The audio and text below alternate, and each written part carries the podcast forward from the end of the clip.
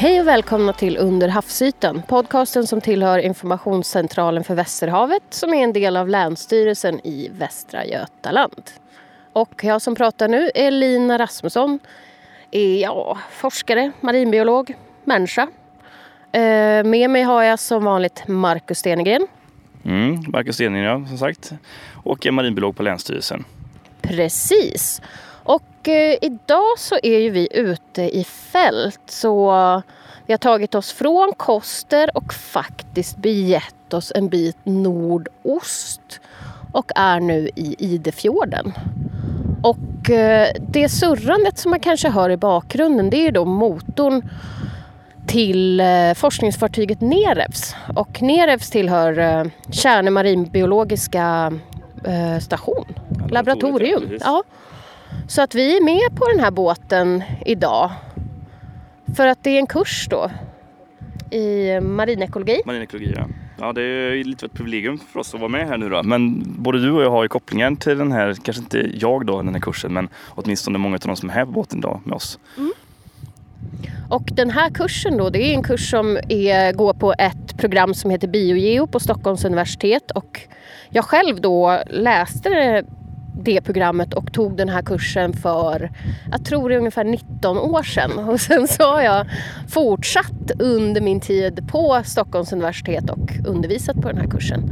Så det studenterna får göra är att gör, ha ett visst antal mätstationer i den här fjorden som vi också då delar med Norge. Eh, och sen går man inifrån fjorden där det är relativt sött vatten och ut mot öppet hav. Och sen är det också en fjord som är eh, ja, kantad av massa problematik i och med att det har varit mycket industrier i eh, staden Halden här.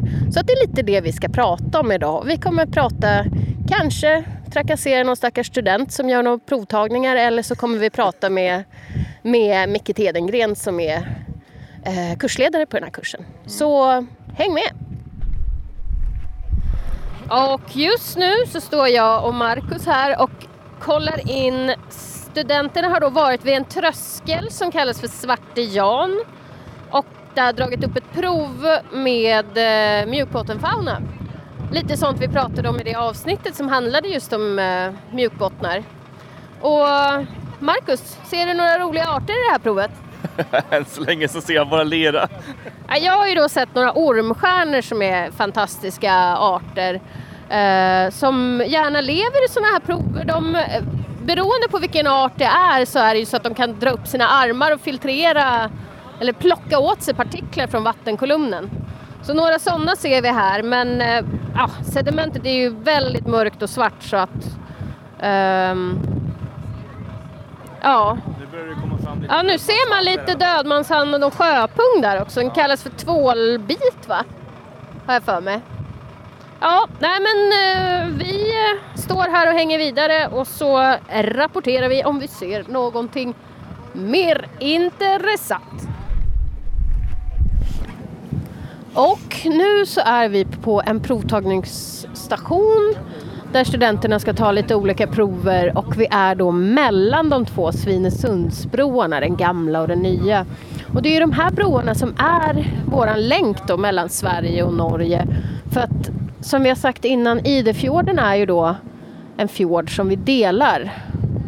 Egentligen går det liksom bara som, alltså att delningen går mitt i fjorden. Så halva vattnet tillhör Norge och resten Sverige. Så därför tänkte jag bara kolla, du som jobbar med vattenförvaltning Marcus, vad, vad kan det vara för positivt med att dela ett område så här när det gäller vattenförvaltning? Och alternativt, när vi ändå är på den bollen, kanske också negativt med att dela, eh, dela eh, en vattenförekomst så här mellan länder? Eh, ja, alltså fördelarna vi har med det här just nu det är ju framförallt om vi ska statusklassa vattnet. Alltså vi hjälps mycket åt i det avseendet att vi ja, men, eh, provtar det här vattnet. Även norrmännen provtar ju på sin sida av Idefjorden. Eh, så att själva ur förvaltningssynpunkt på det sättet så är det ju positivt att dela det här med Norge givetvis. Eh, men sen har vi lite olika syn på det här och det är ju någonting som jag tänker vi kommer komma in på igen här. Ehm, under det här avsnittet. Men att det finns lite olika syn på hur det ska förvaltas. och Vi har ju på svenska sidan så är det ju naturvårdsintresse framförallt som, som då står högt på agendan. Vi har ju ett Natura 2000-område här då i Idefjorden eh, som sträcker sig ut mot Koster egentligen. vi har... vad, vad är det som är det specifika? Varför är det ett Natura 2000-område? Just för att det är ett väldigt unikt område på många, många sätt. Eh, inte minst för att det finns då arter som är unika för det här området i Sverige eh, och som är väl värda att bevara. Och det tänker jag att vi också kommer komma tillbaka till. Inte minst kommer vi då en gäst för det här avsnittet och berätta lite grann om det. Mm. Um, och, och, det kan vi också dra upp, för det drog ju du upp förra eh, avsnittet så skikt att alla borde förstå att vi ska till Idefjorden för att Eh, vi pratade om nakensnäckor och vad, vad, hade det med allt att göra egentligen Marcus? Jag var ju knappt med på bollen där. Ja, det var kanske en liten miss av mig. Jag gick lite snabbt fram men det var ändå lite roligt och eh, det har ju skrivits en del böcker för de som är bevandrade på den fronten. Eh, speciellt såna riktigt fina bilderböcker om man tycker om sådana. Just med de nakensnäckorna som finns i Idefjorden eller strax utanför Idefjorden. Och vi var ju på en station här förut nu och, och tog lite bottenprover. Eh, och det ligger utanför den här, den här gamla fyren som man kallar för Svarte Jan. Eh, väldigt målande namn. Men eh, där då så finns de här nakensnäckorna och det har vi sett väldigt mycket eh, bilder utav. Och inte minst finns det många sportdykare som brukar vara på Svarte Jan och ta eh, olika bilder på de här nakensnäckorna. Och det finns flertalet där som är specifika bara för Idefjorden. Aha, ja, ja. men då är vi ju lite med på varför du uh, var inne på nakensnäcke. Mm. Sen är ju de väldigt häftiga också som de är. Alltså om man vet hur en sån här ser ut. Alltså, tänk dig en, en snäcka fast utan då själva skalet. Så de är väldigt små, de är lite sköra, de har ofta då, de här gälarna sitter på utsidan, de har väldigt mycket spröt utstående delar och så är de väldigt färgglada oftast också. Mm. Så att eh, ja, väl värt om man ser dem. De är oftast väldigt små så att man får verkligen som dykare i regel då veta vad det är man letar efter. Mm. Och jag har också hört dykarkompisar som har varit här i fjorden och dykt där det finns väggar fulla med havsanemoner till exempel. Mm.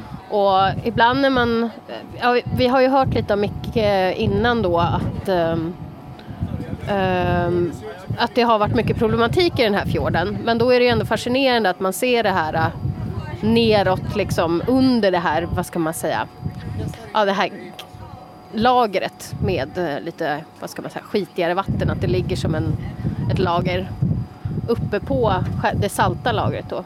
Ja precis, vi kan ju nämna det liksom att det om vi har då naturvårdsintresse högst på agendan på svenska sidan så är det ju mer industrisatsningar och det finns en ändå en, en relativt stor industrihamn i Halden då på andra sidan, på norska sidan. Eh, och sen har vi även då ett ganska stort vattendrag som då skjutsar ut ganska mycket sötvatten som, som lägger sig då som det här locket som du beskriver mm. ovanpå eh, Idefjorden så att vi har det här lite brunare vatten ovanpå och sen har vi lite klarare då saltare vattnet under där mycket av den här, den här specifika faunan eller djuren lever. Så det är väldigt speciellt på det sättet, hela området egentligen. Mm. Och det är det som också är lite karaktäristiskt för en fjord egentligen. Att mm. det kommer ett sötvattensinflöde inifrån land om man säger så, så möts det, möter det då saltvatten från havsbandet. Mm. Men lite mer med problematiken sådär. Har du några andra exempel? Vi pratar ju om att det här är en tröskelfjord och allt som det innebär. Ja, ja det finns ju eh, olika intressen som står mot varandra i det här. Och på svenska sidan så, eh, som sagt så är ju naturvårdsintresset eh, tungt och vi har ju egentligen inga industrier på den här sidan eh, på det sättet som, som norrmännen har. Eh, och det finns då intressen av att ehm, fördjupa infart eller inseglingen ska jag säga, heter det ju faktiskt, till eh, då Halden. och, och som sagt, eftersom det är en tröskelfjord så har vi ett antal trösklar. Och när man säger trösklar i det här sammanhanget så är det helt enkelt då uppgrundningar från botten som sträcker sig upp i vattenmassan. Så att helt plötsligt så har vi ett område där det är mycket, mycket grundare än vad det är kanske på resten av fjorden eller inseglingen till fjorden och Halden. Mm. och de sträcker sig så pass grunt så vi pratar kanske då 8-9 meter, ja, ännu mindre. Ja. Eh, och många av de här lite större fartygen som kanske vill komma in i Halden, de kommer ju inte in för att det är alldeles för grunt.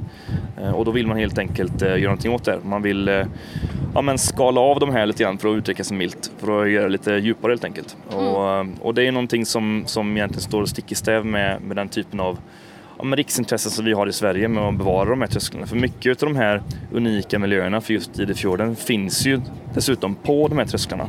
som är liksom den hårdbottenyta som många av de här djuren trivs på. Mm. Ja men då har vi fått lite mer insikt i det. Mm.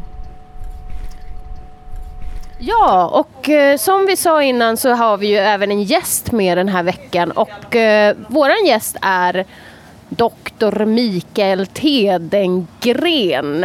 Eh, också en god vän till mig som var min lärare på den här kursen som jag tog då som jag sa för 19 år sedan.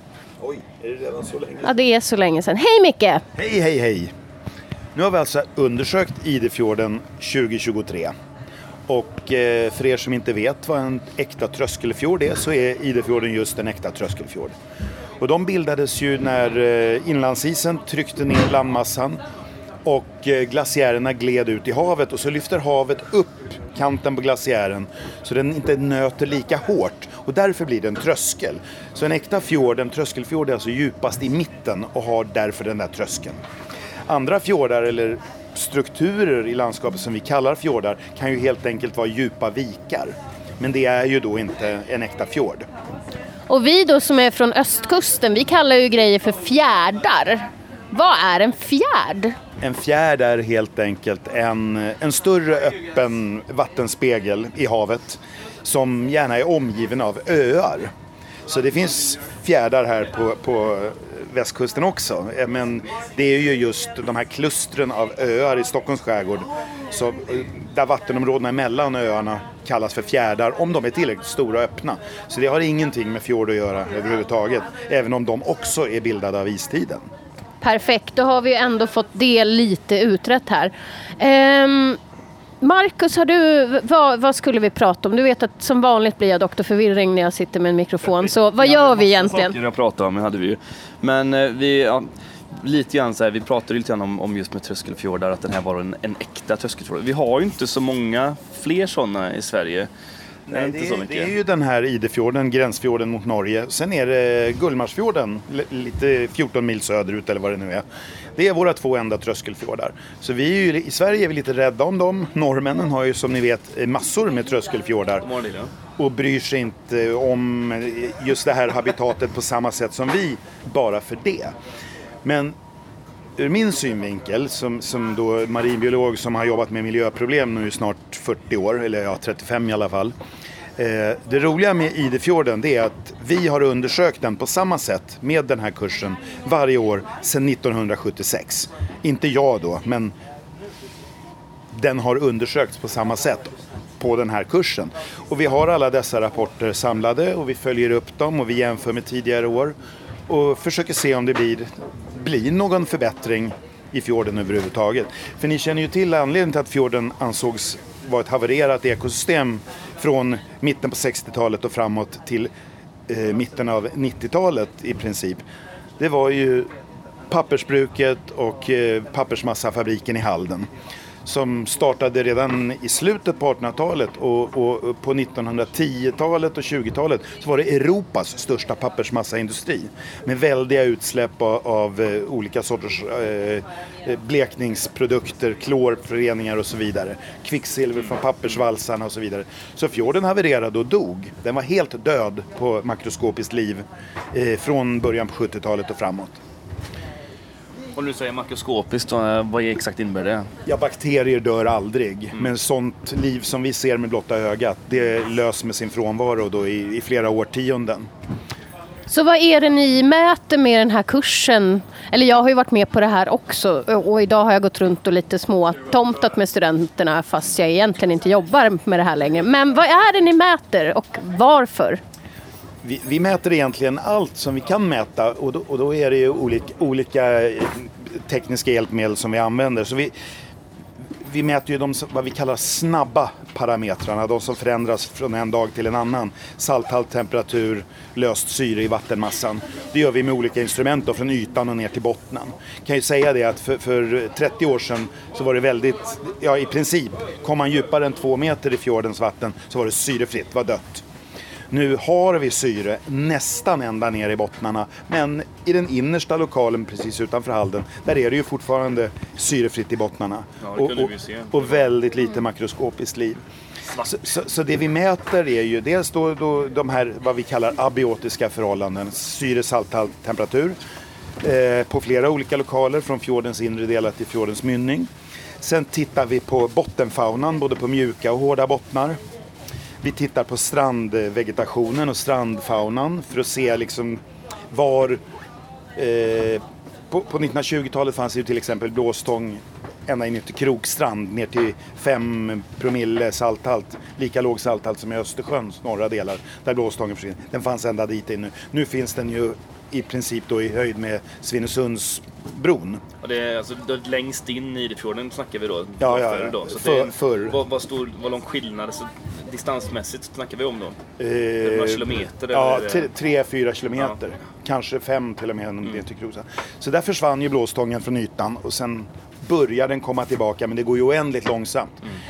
Jag var i Idefjorden första gången 1983 och jag tror att man kan säga att 500 meter har blåstången återtagit från mynningen och inåt sen, sen dess. Då. Och det, vad blir det? 20-30 år?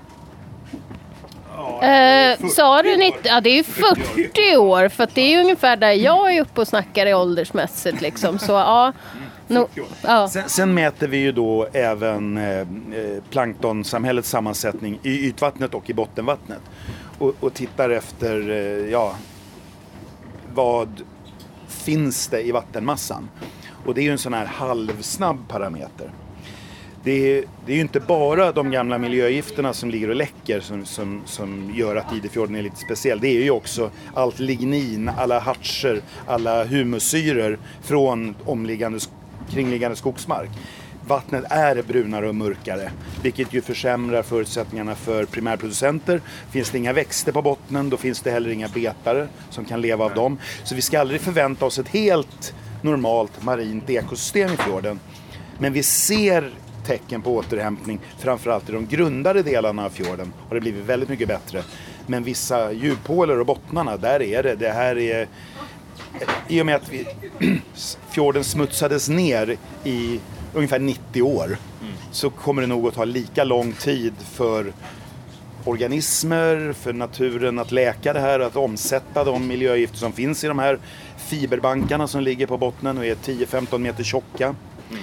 Så eh, det är svårt att få tillbaka ett havererat ekosystem. Idefjorden är på väg men det är en lång bit kvar. Och för folk som då inte är så bekanta med hur ett fjordsystem ser ut så är det ju att det, det är ju ett annat typ av vattenutbyte så att man har ju mycket sötvattensinflöde från land där och sen kommer det då saltvatten från det öppna havet. Och då lägger sig det lättare sötvattnet uppe på som nästan som ett lager. Och sen så blir det någonting som kallas för halloklin om det är densitetsberoende, alltså att det, att det är sötvatten som ligger på saltvatten. Och man kan också ha en termoklin som handlar om temperatur då. Men det är framförallt halloklin vi har i fjordar. Så det blir ju också lite av ett problem när det gäller omrörning i en fjord. Men nu går vi tillbaka till Micke och den här undersökningen. Ja, och det du säger nu är helt riktigt. Ofta sammanfaller termoklinen, det vill säga temperaturklinen, med salthaltsklinen. Vilket gör att det är ännu sämre omblandning mellan bottenvatten och ytvatten. Så, och det här är ju precis Östersjöns problem. Så i det här perspektivet kan man ju nästan säga att Östersjön är en jättestor fjord. Eftersom Öresund är så grunt de, och bälten är så, är så grunda. Och så har vi då djupa sänger som är i stort sett syrefria i mitten av Östersjön. Eh, men i den här fjorden just så är, är, vattenutbytet i den här grunda delen som är, är mer sötvattenspåverkad, locket så att säga, som flyter utåt. Eh, omsättningstiden i fjorden på det vattnet är mellan tre och sex dagar. Medan det är mellan 180 och 365 dagar i bottenvattnet. Så du har det tidsperspektivet. Ytvattnet byts ut på 3, 4, 5 dagar. Bottenvattnet byts ut på ett halvår till ett år. Vilket gör att allting där nere stannar kvar mycket längre och, och, och det är det som skapar de här problemen. Men jag, jag hörde också när jag, när jag studerade en del av det, är mycket de inre fjordarna kring Orust och på västkusten där i vissa år, man har det här generella utbytet som sker en gång om året men ibland så skippade det här, det hoppar över ett år så att det liksom blir ännu längre utbyte. Mm. Händer det även i Idefjorden att det blir så? Ja, det kan det göra. Eh, sommaren 2018 var en sån sommar. Det var permanent högtryck, jättehöga temperaturer i vattnet, inga västliga stormar. Det skvalpade inte in något saltvatten Nej. över trösklarna. Och då, året efter var fjorden i princip, alltså bottnarna var i princip utslagna igen. Mm. Men då inte av miljögifter utan av ett ökat nedfall av organiskt material som förbrukar syre och, och så dog bottenorganismerna igen. Så 2019 var det sämsta året på, på flera årtionden eh, när vi tog våra bottenprover. Mm. Och det här är ju väldigt svårt. För det första är en del av det här problemet naturligt, kommer alltid att vara så här. Och, och eh, eh, för det andra, den delen som är av människan orsakad, eh, Eh, den kommer att ta tid att läka eftersom det organiska materialet måste brytas ner och transporteras iväg. Och där finns det olika teorier och olika metoder om man nu vill restaurera en sån här fjord. Norrmännen pratar ju mycket om att spränga trösklarna. Och det vill ju de göra, inte för att rädda fjorden, utan för att kunna ta in ett större tonnage, eh, alltså större handelsfartyg som går in till Haldens hamn. Och vi svenskar vill inte det, för att vi tycker att habitatet som sådant, en av våra två tröskelfjordar, den vill vi bevara. Mm. Så där har vi en liten intressekonflikt så. Ja, vi var ju lite grann inne och pratade på, på det och eh, i många avseenden. Det här är ju någonting som har kommit upp på länsstyrelsens bord mer än en gång de senaste tio åren tror jag. Mm. Um, och vi har ju, har ju egentligen motsatt oss det här varje gång det har kommit in. Men det vore ju spännande också att höra lite grann på alltså rent hur hur forskningen ställer sig till, till en sån, ett sånt ingrepp som det ändå skulle innebära. Vad, vad, vad, skulle ni tro blir följden om man skulle skrapa av några meter på trösklarna? Vad skulle hända med både Idefjorden och med då Singlefjorden och Kosterhavet som ligger utanför? Ja, det skulle ju definitivt leda till en ekologisk katastrof utanför fjordens trösklar. För det skulle vara så många års samlade miljögifter som spolades ut på en kort tid. Så det skulle nog slå ut större delen av, av Kostersäcken och, och, och Singlefjorden utanför. Eh, och eh, jag vet inte om jag tror att det skulle hjälpa Idefjorden särskilt mycket för det skulle inte vara tillräckligt mycket kontaminerade sediment kvar i bottnarna. Mm. Så att jag, nej den, den metoden tror jag vi ska skrinlägga. Och när, när människan börjar leka Gud och tror att vi kan omforma hela landskap, det är, det, är ingen bra idé. Nej. Stalin försökte vända de ryska floderna. Det gick inget bra. Kaspiska havet torkar ut. Det går inget bra. Däremot skulle man kunna tänka sig att man faktiskt satsar, vilket norrmännen har gjort i andra fjordar där de vill rädda räkfisket och, och, och, och få tillbaks ett kommersiellt fiske i Bergen och närområdet där, där de har väldigt nedsmutsade fjordar. Eh, och det är ju så kallad capping, att man satsar de resurser som krävs, lägger ett några millimeter tjockt lager av okontaminerat sediment och låter det vara och stänger in de gamla synderna och får ett, ett intakt bottensamhälle då så, så att man så ja, helt enkelt låser in de gamla miljögifterna. Det har ju visat sig fungera. Det är väldigt dyrt men jag tror att man hämtar hem det på inte allt för många år i, i form av, av att du får en, en resurs som går att fiska på. Krabbor, räkor som du faktiskt kan kommersiellt utnyttja. Medan man inte, det kan man ju inte idag i många förorenade fjordar för att de är otjänliga. Nej, så, så norrmännen har ju börjat komma på att de kan hämta hem den investeringskostnaden på, på bara några få år. Man räknar värdet på, på, på, på det, för det kommersiella fisket efter framförallt skaldjur. Då. Men jag tänker, de här undersökningarna om vi går tillbaka till dem. Jag tänker att det måste ju vara ganska unikt att en universitetskurs har samlat den här typen av information under mer än 40 års tid. Mm. Skulle det kunna vara något som vi kan använda till exempel för Marcus då som håller på med förvaltning eller eh, ta det vidare? För det måste ju vara helt unikt i världen nästan att ha något sånt här. Ja, sådana här långtidsstudier, det finns nog inte så många av dem. Och, och även om vi kanske inte har alla resurser för att göra en absolut komplett eh, undersökning så gör vi i alla fall på samma sätt och har gjort det alltid. Så, så vi har faktiskt börjat prata om att eh, extrahera en del av, av den ackumulerade datan och se om vi inte kan börja skriva roliga artiklar om det här. Och eh, det är faktiskt så att vi har blivit kontaktad, kontaktade flera gånger faktiskt av eh, Länsstyrelsen. Eh, dels i det gamla, kanske inte Bohuslän, inte fasen vet jag men också Västra Götaland. De har varit och rotat i vårt plåtskåp och, och kopierat gamla spritstensiler från 70-talet för att se de här syrekurvorna, hur det såg ut då. Och nu har vi ju allting digitaliserat sen i alla fall 15 år tillbaka finns det ju på, skicka en USB-sticka. Men det är ett unikt material som man borde ut, kunna utnyttja till, till mer än att skriva en kursrapport. För vi vet ganska mycket om Idefjorden nu och återhämtningstakten. Och det roliga, vi hade ju ett kustvattenprojekt eh, som drevs från Kärnö för många år sedan. Men eh, då var ju de här uppe när det inte var så mycket kurser på Kärnö och, och, och, skulle ta prover och titta och göra ungefär samma sak som vi gör nu. Fast det var ju en person ombord så det var mycket, mycket mindre gjort. Men då var de här i maj, början på juni. Och det var ju ganska fint då. De höga temperaturerna hade inte kommit, vårblomningen hade knappt klingat av. Eh, och sen kom BioGeo då senare på sommaren och, och, kunde bara konstatera att allt som kustvattenprojektet dokumenterade i maj, det hittade vi som döda skal i augusti när vi var här då. Och nu är vi här i juli och sen några år tillbaka och, och då är vi någonstans mitt emellan. Det är fortfarande ganska fint men mycket av det vi hittar nu tror jag kommer att eh, stryka med under högsommarvärmen och den ökade sedimentationen som, som sommarblomningarna för med sig i fjorden. Mm. Um, vi, vi pratar om blåstången men är, är det någonting annat du har sett? Eller vad har ändrats generellt? Vad har blivit bättre? Vi tycker väldigt mycket om framgångssagor i den här podcasten. Att allt är inte kört och allt är inte helvete. Uh, nu svor jag och det ska jag ju inte göra men jag gör det ibland. ja, med allt, ja, precis. Tonfiskpojkarna var inte dåliga på svordom alltså. Men eh, ja, vad har, vad har blivit bättre i fjorden?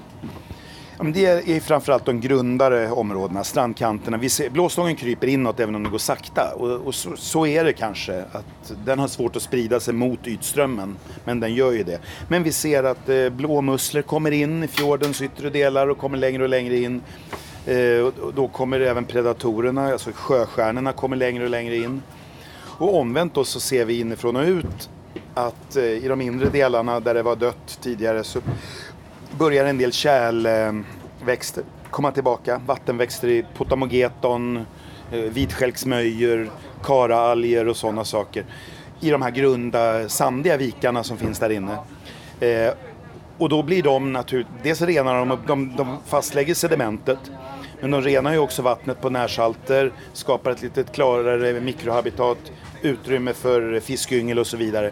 Så att vi ser både i fjordens inre sötvattensdelar och fjordens yttre saltvattensdelar så att säga att arterna som hör hemma där långsamt kommer tillbaka. Men det här, jag pratar hela tiden nu om grunda områden. Från ytan och ner till 10 meter ser vi stora tecken på, för, på förbättring. Men det går långsammare i de mjuka djuphålorna. Och det beror på att där ligger så mycket organiskt material ansamlat. Från nästan 100 år av sågverk och pappersmassaindustri. Hur djupt blir det i de här djuphålorna på, på cirkus? Eh, det finns något ställe där det är 60 meter. De flesta djuphålor, när vi säger djuphålor där vi tar prover så är det mellan, ja, mellan 35 och 45 meter. Men vi vet också att i många av de här djuphålen när man har beamat ner med så att säga den typen av utrustning att de här fiberbankarna som ligger där, de har ju grundat upp fjorden. Det är 10-15 meter tjocka fiberbankar på sina håll. Så när bottnen kommer vid 45 meter så kanske det i själva verket då är 60 meter djup fjord. Men 15 meter är en fiberbank som ligger där. Och det säger ju sig självt. Tänk dig 15 meter tjocka sågspånsbankar. Mm. Det förbrukar rätt mycket syre innan det har brutits ner. Mm. Men vad, alltså, om vi kopplar tillbaka nu det som har hänt då, de här senaste 40 åren och den har sett att det blivit bättre.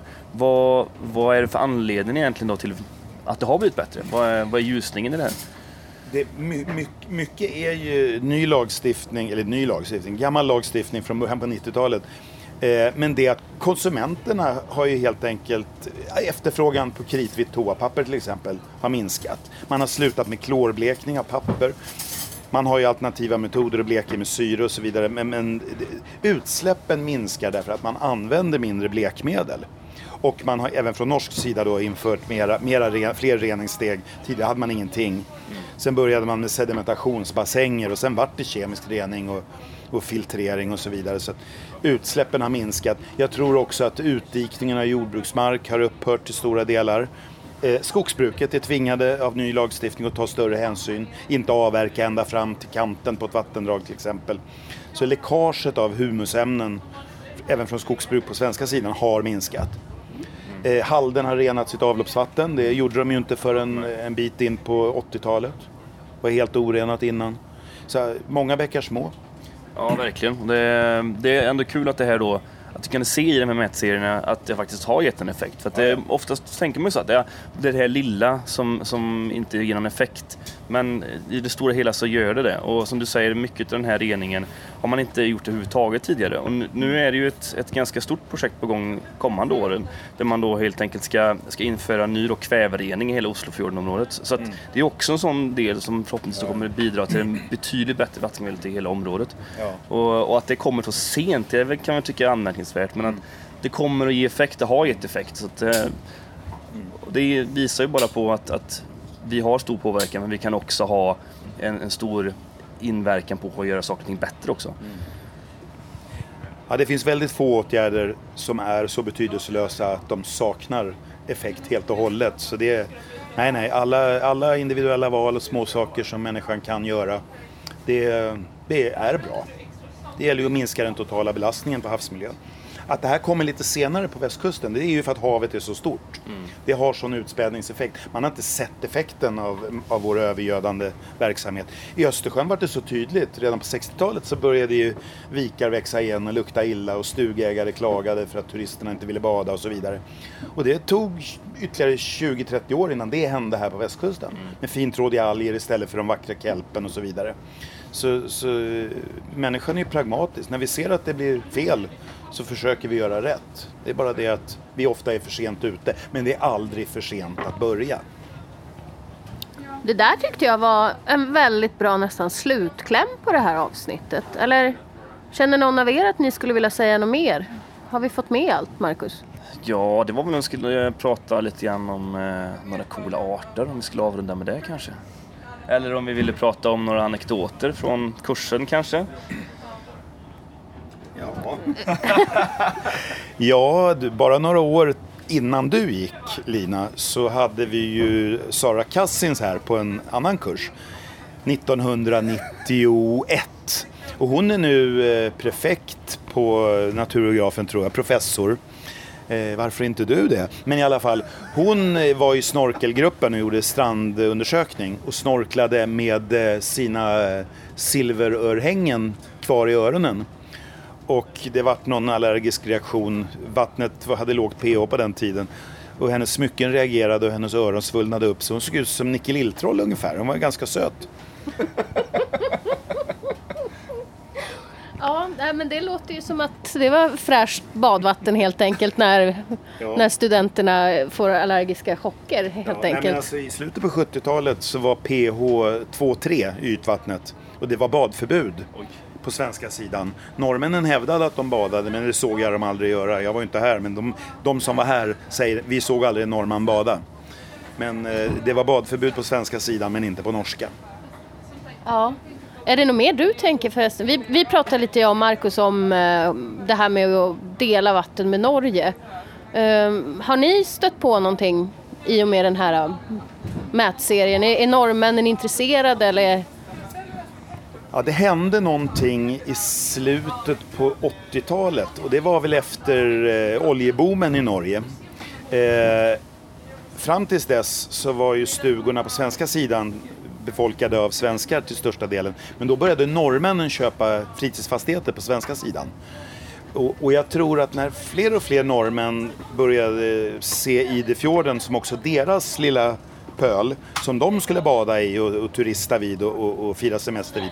Då ökade nog eh, eh, medvetenheten på norska sidan. Och jag tror att efter det så blev, blev det ganska mycket konsensus, i alla fall mellan de fritidsboende och även de fastboende på svenska och norska sidan, att så här kan vi inte ha det.